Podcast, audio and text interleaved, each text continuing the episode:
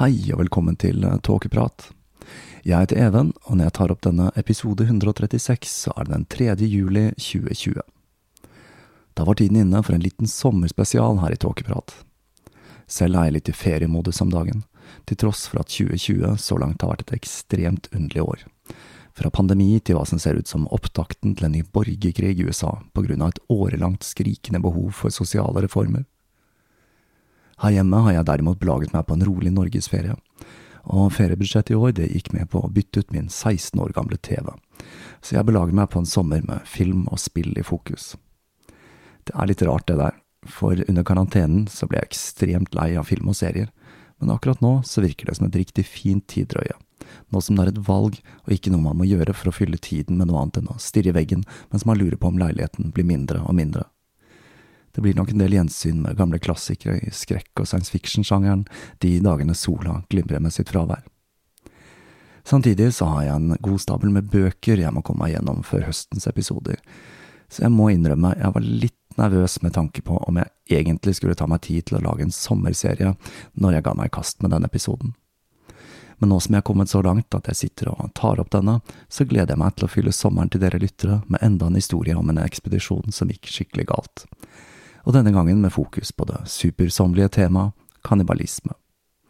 I fjor så var det vel menneskeofring som sto i fokus i sommerspesialen, så nå skal vi altså se litt nærmere på hva man kan gjøre når man først har ofret dette mennesket. Kannibalisme har eksistert i tusenvis av år, og mennesker har blitt spist av andre mennesker av ulike årsaker. Dette tabuet over alle tabuer har blitt utført for eksempel for å tilfredsstille gudene, for å spre frykt blant sine fiender, for å utføre magi eller helbrede, eller som på Papua Ny-Guinea, der man åt sine avdøde slektninger. Mannfolka fikk spise kroppen, og kvinner og barn fikk meske seg med hjernen til den avdøde. Dette førte jo som kjent til spredningen av prionsykdommen kuru. Men jeg føler vel at akkurat den sykdommen er ganske grei å holde styr på med tanke på smittevern. Nå vet ikke jeg åssen det er med dere som hører på, men jeg har iallfall ikke noe problem med å holde meg fra å spise menneskehjerner. Mange av historiene om kannibalisme er overdrevne eller funnet opp som skremselspropaganda av europeiske kolonister, for å understreke behovet for spredning av kristendommen blant blodtørstige, ugudelige innfødte. Men slett ikke alle. Kannibalisme er utvilsomt en skrekkelig del av menneskets historie. Men det er ikke bare for å spe frykt blant fiender eller for å ære gudene mennesker har tydd til kannibalisme, men også for overlevelse. Som vi hørte i historien om Jack Hornby, så valgte han og hans tre følgesvenner å avstå fra å ty til denne groteske løsningen. Men det fins mange eksempler der sult og nød har drevet mennesker til å spise sine medmennesker for å overleve, og dette fenomenet har kanskje vært mest utbredt i sjøfarten. Enten man var strandet på en øde øy eller drev hjelpeløst rundt i en livbåt, så kunne behovet melde seg. Etter hvert ble det å spise menneskekjøtt så vanlig at denne praksisen nærmest ble sett på som normal blant sjøfolk. Det var så vanlig at dersom mannskapet til et skip ble reddet, og de hadde klart å overleve uten å spise menneskekjøtt, så var dette noe av de første de fortalte redningsfolkene, for å bevise at de var gode mennesker og ikke hadde tydd til denne avskyelige praksisen. Det at kannibalisme var så utbredt på sjøen, har gjort at vi i dag har mange detaljerte beskrivelser av det som blir referert til som overlevelseskannibalisme. Et av de best dokumenterte tilfellene finner vi i 1710. Nottingham Galley, som var på vei fra London til Boston, gikk på grunn uh, utenfor kysten til Maine, og mannskapet søkte tilflukt på en liten steinete øy, Boone Island, som kun måler 91 ganger 210 meter. Fastlandet var synlig i horisonten, og de forsøkte å bygge en livbåt av restene til skipet. Men denne ble knust i pinneved i brenningene. Senere skulle de forsøke å sjøsette en flåte med to av mannskapet, men denne forliste, og de to druknet.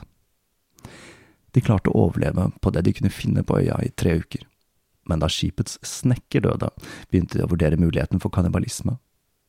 De parterte liket, og kapteinen rasjonerte kjøttet blant mannskapet, som åt av det fram til de ble reddet et par dager senere.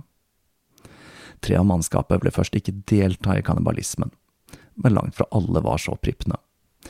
I 1835 forliste Elisabeth Rayleigh på vei fra Canada til England, og selv om mannskapet ble reddet fra livbåten etter kun ni dager, så hadde de allerede begynt å gafle på sine døde kamerater. Enda raskere gikk det året etter, da mannskapet til den forliste Hanna begynte å spise sine døde kamerater etter bare fire dager. Man klarer seg jo ganske fint uten mat i fire dager, og personlig så ville jeg ventet iallfall litt til, men så er jeg en person som fint klarer å overholde smittevernreglene til Kuru også, da. Det var ikke alltid heller aktuelt å vente til noen døde, og det ble gjerne avgjort med loddtrekning hvem som måtte bøte med livet, slik at de andre skulle få spise. Det var ikke uvanlig å finne skipsvrak med halvspiste lik i riggen, for å si det sånn men enkelte grep ble tatt for å avhumanisere den som ble spist, og ting som ansikt og andre kjennetegn ble gjerne fjernet for at sultne sjømenn ikke skulle tenke på at det var en tidligere kamerat de satt og spiste på. Det var faktisk lite skam forbundet med dette å ty til kannibalisme på havet, og kapteinen på Nottingham Galley, som rasjonerte ut liket til snekkeren, ble senere den britiske konsulen i Flandern, og praksisen ble sett på som noe man kunne forsvare dersom man havnet i havsnød. Historien vi nå skal se litt nærmere på, foregår derimot ikke på havet, men i den nye verden. Historien om The Donner Party har blitt fortalt i mange bøker, og historien har blitt omtalt som en av de verste tragediene i amerikansk nybyggerhistorie. Hovedkilden min til denne fortellingen er Ethan Raricks Desperate Passage fra 2008. Dette er en bok som tar hensyn til en del nye arkeologiske funn, og forteller historien på en levende og troverdig måte, og kan absolutt anbefales i så måte. En av tilbakemeldingene jeg ofte får på tåkeprat, er at historiene jeg forteller, får lytterne til å føle at deres egne liv slett ikke er så ille som de trodde. Og denne historien føyer seg nok godt inn i den kategorien. For nå skal vi ta et dypdykk ned i forferdelse og menneskelig lidelse, i serien jeg har valgt å kalle Veien vest.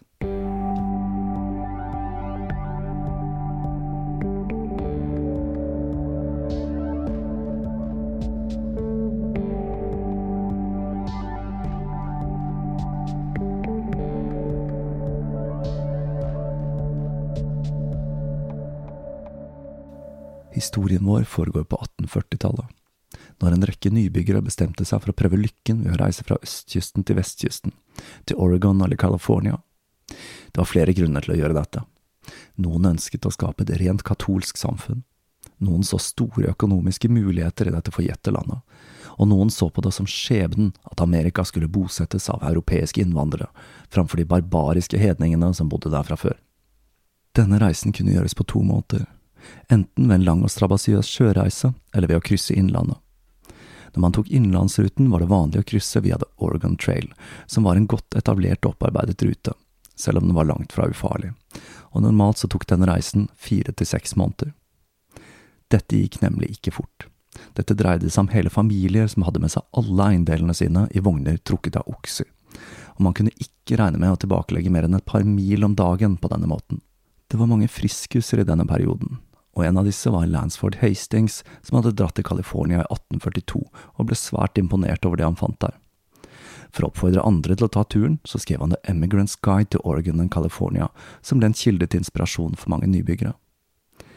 I denne boka så foreslo han en alternativ rute, han mente ville være raskere enn den allerede veletablerte veien.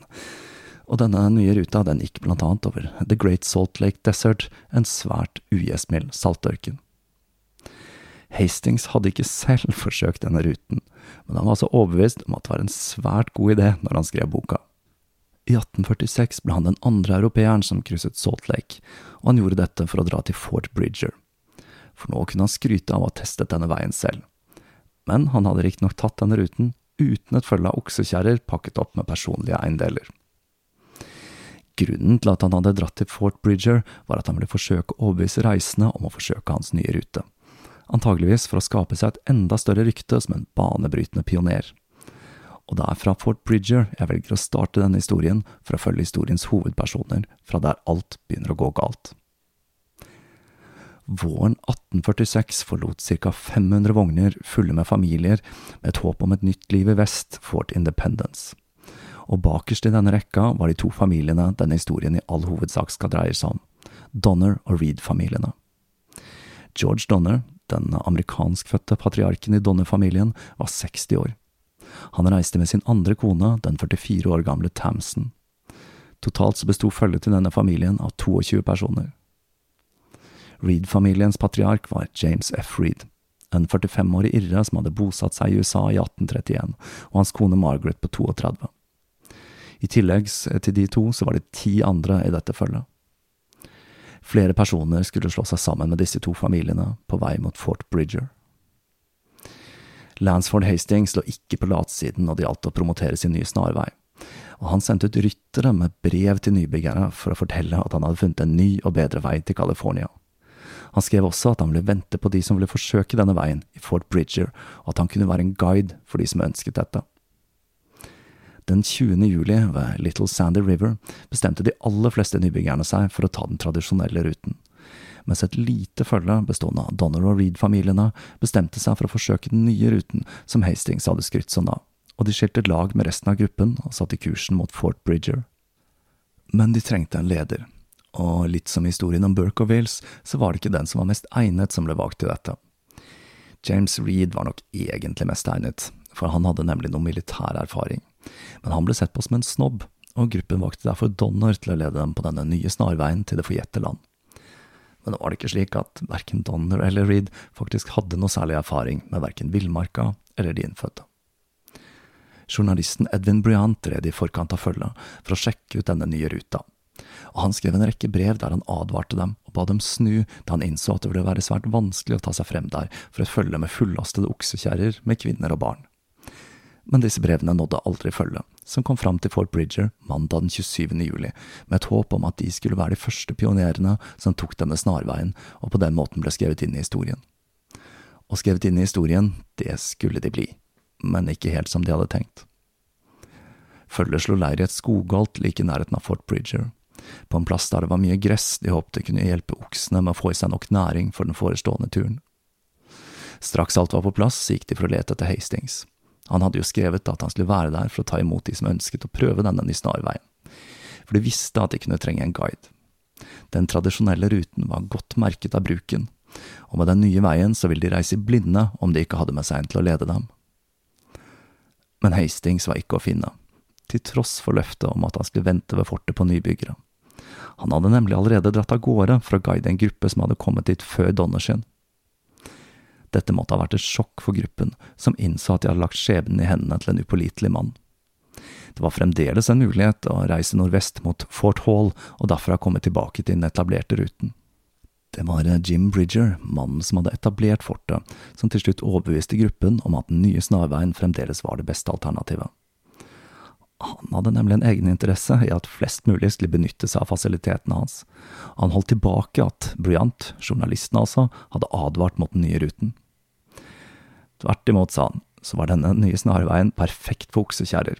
Han sa at det var masse gress og vann der, og at det ville spare milevis med reising på denne veien. Han fortalte også at grunnen til at Hastings hadde dratt, var at han, det var et lite stykke av veien der det var litt lite vann, og at han nå forsøkte å finne en enda bedre rute. Og med det så bestemte de seg for at Hastings-ruten var det beste valget. Like etter de hadde dratt av gårde, så rammet den første ulykken.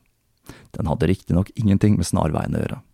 Men Edward Breen, en 13 år gammel gutt og et av syv barn i Breen-familien som hadde blitt med i Donners følge, ramlet av vogna og ble slått bevisstløs. Da han kom til hektene, så oppdaget familien at han hadde brukket det venstre benet. Siden de fremdeles ikke var så langt fra Fort Breen, så sendte de ut en rytter i håp om at det kanskje var en lege, eller i det minste en legekyndig der. Om ikke lenge så kom rytteren igjen, med en litt shady type med en diger bart, som etter å ha sett på gutten fant frem en sag og en lang kniv. Her ser jeg for meg H.H. Holmes for mitt indre øye, vår alles favorittlege. Edward forsto hva som var i ferd med å skje, og han hylte og ba om å få beholde beinet. Moren og faren var klar over at sjansen for å overleve turen med et brukket bein var dårlig, men de orket ikke å se sønnen lide, og de betalte mannen med barten fem dollar og sendte han tilbake. Nå var guttens liv i Herrens hender. På den sjette dagen fant de et stykke papir festet på en salviebusk. Den var fra Hastings, og dette styrket troen at de tross alt var på rett vei. På lappen kunne lese at Hastings advarte mot å ta seg gjennom Weber Canyon, da denne nærmest var uframkommelig, og de ble bedt om å vente der de var og sende et sendebud for å ta igjen Hastings, så han kunne guide dem til en bedre rute. Og akkurat det gjorde de, og blant annet Reed selv ble med for å finne Hastings. Når de tok han igjen, så sa han først at han skulle bli med mennene tilbake til følget.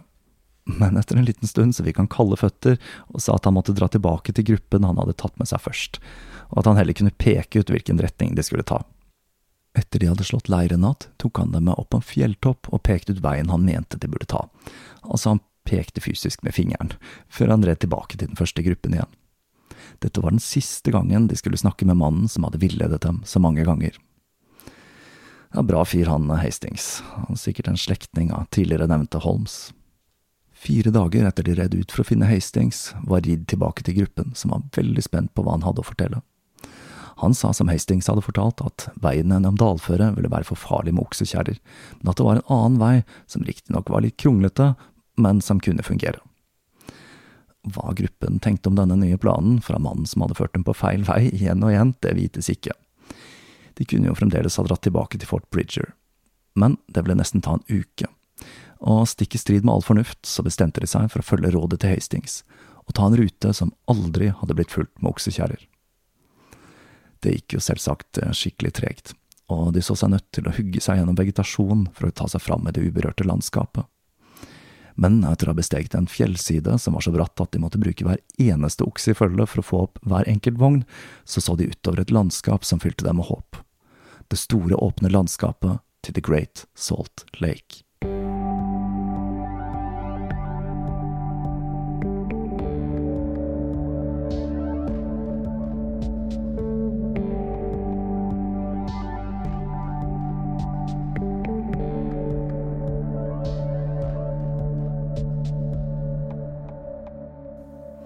Det var nå den 22. august, og følget hadde mistet to uker med verdifull reisetid, og de hadde fremdeles 100 mil igjen av reisen før de var framme i California. Salt Lake er en inntørket innlandssjø der det har samlet seg mineraler, og området er dekket med milliarder av tonn med salt. Vann fra undersiden siver gjennom saltlaget og danner store områder med saltmyr, så dette er en stor, bløt, livløs ørken, der få planter og dyr kan overleve. Få europeere hadde reist gjennom dette området. Et følge med pionerer hadde klart å krysse Salt Lake i 1841, men de hadde nesten dødd i forsøket. Og ruten som hadde blitt foreslått av Hastings, hadde kun blitt krysset to ganger, og da uten kjerrer. Gruppen til Donner fant sporene til Harlin Young-gruppen, den første gruppen som var i følge med Hastings, og de begynte å følge dem. De hadde hørt rykter om ørkenen ved Fort Bridger, om at Salt Lake kunne by på seks mil uten gress eller vann, og vann var en svært tung luksus å dra med seg på lasset.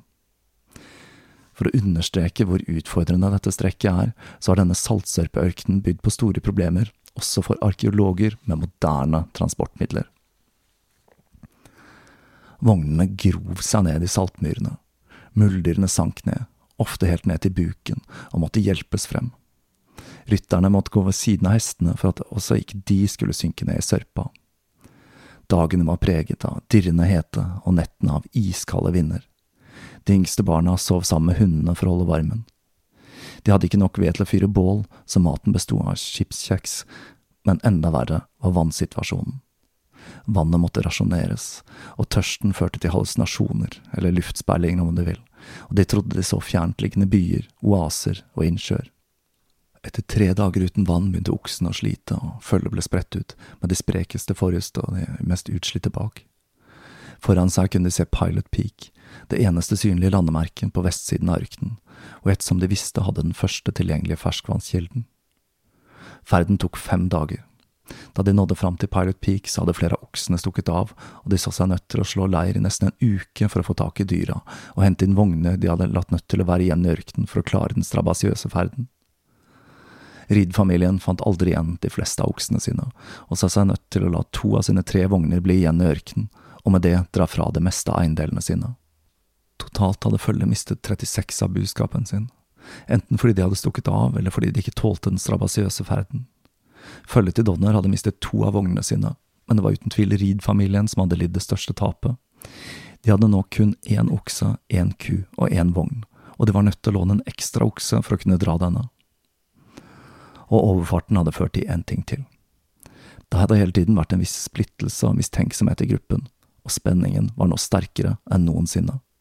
De gikk gjennom forsyningene sine, og innså at de neppe hadde nok mat til å nå California, så det ble bestemt at to menn fra gruppen skulle ri til Sutters Fort for å hente ferske forsyninger. Dette var et ekstremt farlig oppdrag, og det var til slutt William McCutcheon, en mann som reiste med sin kone og spedbarn, og som hadde blitt med gruppen fra Fort Bridger, som meldte seg, mot at resten av gruppen måtte sverge at de ville ta seg av hans kone og barn. Den andre var Charles Stanton, en kjøpmann som hadde lagt ut på ferden fordi han trengte en ny start etter å ha kjempet mot depresjon. Følget fortsatte, og igjen så kom de over monotom og underlig geologi som føltes overjordisk når de reiste gjennom Øst-Nevada og et område som besto av små fjellkjeder hvor den ene så helt lik ut som den andre. Tiden og monotonien og tungsinnet la seg over hele følget. Så kom de til den siste delen av Hastings snarvei, Ruby Mountains. På den andre siden av disse fjellene lå Humboldt-elva, og der kunne de igjen ta fatt på den tradisjonelle ruten til California. Her hadde også Hastings tatt en ugunstig vei. Det var nemlig et pass der som kunne gjort den siste delen av denne fantastiske snarveien enklere. Men dette visste ikke Hastings om, så Donner-følget fulgte sporene til Hastings, som fulgte fjellkjeden parallelt i tre dager før de kom til et trangt pass som førte dem til den andre siden. Den 26. september nådde de Humboldt. Det hadde gått to måneder siden de hadde forlatt den tradisjonelle ruten for å følge snarveien til Hastings, og resten av pionerene hadde nå en måneds forsprang på Reed og Donner men det var ingenting de kunne gjøre med det. Nå gjaldt det bare å fortsette på ferden og håpe det beste. Det å komme til Humboldt-elva var en milepæl i ferden, men som det heter, en ulykke kommer sjelden alene. Området hadde vært utsatt for tørke, og elva var tørket ut. Det var riktignok bedre enn overfarten gjennom ørkenen, men på grunn av tørken drev vognene opp store støvskyer som la seg som et fint teppe over mennesker, dyr, vogner og oppakning. Så var det mer trøbbel i gjerdet. Da de skulle opp en bratt bakketopp den 5. oktober, så var det åpenbart at de trengte å dele på oksene for å få alle vognene opp. En i følget, Snyder, nektet å være med på dette av en eller annen grunn, og det fikk Reed til å se rødt, og de to begynte å krangle. Reed foreslo at de to skulle avgjøre det hele med en duell på bakketoppen, men Snyder klarte ikke å vente og slo Reed i hodet med bakenden av pisken sin. Reed ble rasende, trakk kniven og stakk den dypt i brystet på Snyder, som falt død om nesten umiddelbart. Nå ble følget delt i to. Vennene til Snyder slo leir på toppen av bakketoppen, og de som fulgte Reed, i bunnen. Stemningen var spent, og ingen visste helt hva de skulle gjøre. De var ikke lenger offisielt i USA, og amerikansk lov gjaldt ikke der ute. Det hele ble forsøkt avgjort med en slags improvisert rettssak, noe som var vanlig blant nybyggere. Ingen kunne bli helt enige om hva som hadde skjedd, og det ble ymtet frampå at det ville være på plass med en hengning. Men de kom fram til et kompromiss. Reed skulle utvises fra gruppen. Reed vurderte situasjonen. Han kunne jo dra av gårde med familien på egen hånd, men etter alt de hadde mistet på ferden over Salt Lake, så var sjansen for å overleve svært liten. Om han derimot red i forveien, så kunne han kanskje skaffe proviant, og på den måten komme tilbake som en helt. Når han nådde igjen Donner-familien, som var et stykke foran på veien, fortalte han at han hadde blitt sendt ut for å skaffe forsyninger og Walter Heron, som egentlig hadde vært med i følget til Reed, men som hadde blitt med Donner-familien det siste stykket, bestemte seg for å bli med Reed på denne forsyningsrunden. Reed, som nok var den personen i følget som var mest egnet som leder, hadde nå altså blitt tvunget til å forlate kone og barn og alle sine materielle eiendeler. Og de som var igjen, var nå uten følgets egentlige leder. Reed og Harron hadde bare én hest på deling, men til tross for dette så tok de seg raskt fram nå som de ikke hadde et vogntog å ta hensyn til. De gikk tom for mat etter et par dager, men like fullt så klarte de seg delvis med å jakte. Men de holdt jakten til et minimum da denne tok mye tid. De ønsket nemlig å komme seg til California og tilbake før vinteren satte inn, og sulten begynte snart å gjøre seg gjeldende. På et tidspunkt kom de over noen forlatte vogner, og der oppdaget de en bøtte med talg av den typen som ble brukt til å smøre akslinger. De to skrapte sammen talgen til en ball på størrelse med en valnøtt, og delte denne mellom seg. Men dette førte til at Reed like etterpå ble svært syk. Heldigvis var redningen nære. Før de sultet i hjel, så møtte de på Charles Stanton, en av de to som hadde blitt sendt ut for å hente forsyninger. Han hadde kommet seg til Sutters Fort, og var nå på vei tilbake med mel og tørket kjøtt. De tre utvekslet nyheter, før de red i hver sin retning. Mens de tre møttes og Reed og Harron ble reddet fra sultedøden, var det enda mer trøbbel for følget de kom fra, nemlig indianere. Og her føler jeg bare må bruke det politisk ukorrekte indianer, på grunn av tiden dette foregår i. Nybyggerne elsket skrekkhistorier om hvordan pionerer ble angrepet, kidnappet og noen ganger spist av indianere. Men dette var i stor grad bare rasistisk propaganda. Forholdet mellom nybyggerne og de innfødte var stort sett ganske greit. Indianerne hjalp til og med ofte pionerer som var i nød, og de utvekslet mat og ressurser, slik at dette skremmebildet som ble tegnet av urbefolkningen, døde ganske raskt hen når pionerene først var ute i villmarka og faktisk kom i kontakt med urbefolkningen. Men det var noen tilfeller, da, og spesielt langs Humboldt. Dette fikk Donnefølge erfare. En stor del av bølingen og noen av hestene ble nemlig stjålet av indianere i nattens mulm og mørke, noe som gjorde at følget nå sto enda dårligere stilt, både med tanke på mat og transport. Humboldt-elva endte i hva som optimistisk ble kalt Humboldt Lake, en slimete pøl med udrikkelig vann. Det er eneste mordor, dette. Derfra så satte de kursen mot Chucky River, men for å komme seg dit måtte de krysse seks mil med ørken. Mer ørken, altså. De bestemte seg for å gjøre dette nattestid på grunn av lavere temperatur, og det skulle vise seg lurt. For til tross for utfordringer med sand og tre kveg som strøk med av utmattelse, så klarte de å ta seg til elva i løpet av to dager. Og det må ha vært en gledens stund for følget som knapt hadde sett et tre på flere uker. Mennesker og dyr kunne endelig drikke seg uttørsta men til tross for lykken over å ha kommet fram til elva, så var følget i dårlig forfatning, og moralen var lav. De visste ikke hva som hadde skjedd med de fire som hadde dratt for å hente forsyninger, så de bestemte seg for at tiden var inne for å sende ut to nye for å sikre mat i gruppen. De to som meldte seg, var William Foster og William Pike, som begge var gift med to av døtrene til en mormonenke, Levina Murphy. En datter på hver der, altså, og noen misforsto det. De gjorde seg klare og pakket forsyninger, men idet de skulle til å ri av gårde, så var uhellet ute. En liten pistol de hadde i oppakningen gikk av, og skuddet traff Pike i ryggen, noe som førte til at han lå i intense smerter og skrek og skrek i en halvtime før døden endelig innhentet ham. Er det ikke det ene, så er det det andre. Man kan si mye om USA, men en lang historie med uvernhet med skytevåpen, det har de i alle fall. Følget fortsatte vestover, i hva som virket som evigheter. Men så sto lykken dem bi. Stanton, som hadde støtt på Reed når han var på vei tilbake, dukket opp med en flokk med muldyr med forsyninger. Han hadde blitt guidet tilbake over fjellet ved hjelp av to lokale indianere, kunne han fortelle. For følget så måtte det ha virket som det verste nå endelig var over. De hadde lidd mer enn de aller fleste nybyggere, opplevd forferdelig tørst og sult, mistet mye av det de eide og sett sine venner bli drept, enten i slagsmål eller på grunn av uvørende omgang med skytevåpen. Nå hadde de til og med en guide som kunne veien, og kunne føre dem trygt til det forjette land, California.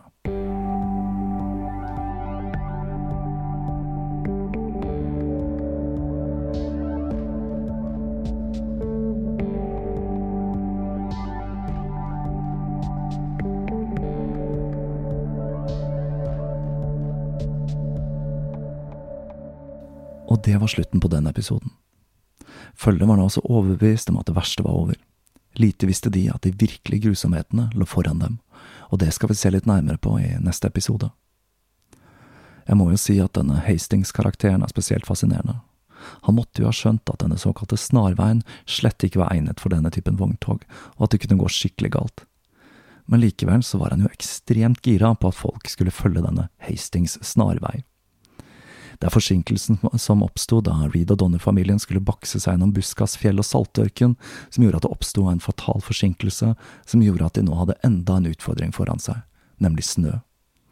Familiene hadde allerede sett at det var snøstormer på fjelltoppene foran dem, og de hadde nok en viss anelse om at dette kunne by på visse utfordringer. Om noen syns de dro kjensel på musikken i denne episoden, så skyldes det at dette er den samme snutten jeg lagde til Jack Hornby-episoden. Jeg syns denne passet veldig godt til ekspedisjonsepisoder, og fremfor å lage ny, så brukte jeg denne på nytt denne gangen. Jeg får håpe at ingen river av seg håret på grunn av det. Det er vel andre gang i historien til podkasten jeg har gjenbrukt musikk, tror jeg. Og nå skal jeg snart ta helgen her, før jeg fortsetter på neste del i denne serien. Fram til da så vil jeg som vanlig takke alle dere patrions for den viktige støtten dere gir meg, i tillegg til alle gamle og nye lyttere. Jeg vil også minne om at Tåkeprats egen skjeggpomade er tilgjengelig i nettbutikken, og jeg har også noen få ekte norsk podcasting-T-skjorter igjen, men det er bare noen få i medium igjen. Dette dreier seg om en ganske stor medium, om eh, noen lurer på det. Så fram til neste episode så vil jeg ønske dere en fortsatt god sommer, og oppfordre til å styre unna kannibalisme for å overholde smittevernet. På gjenhør.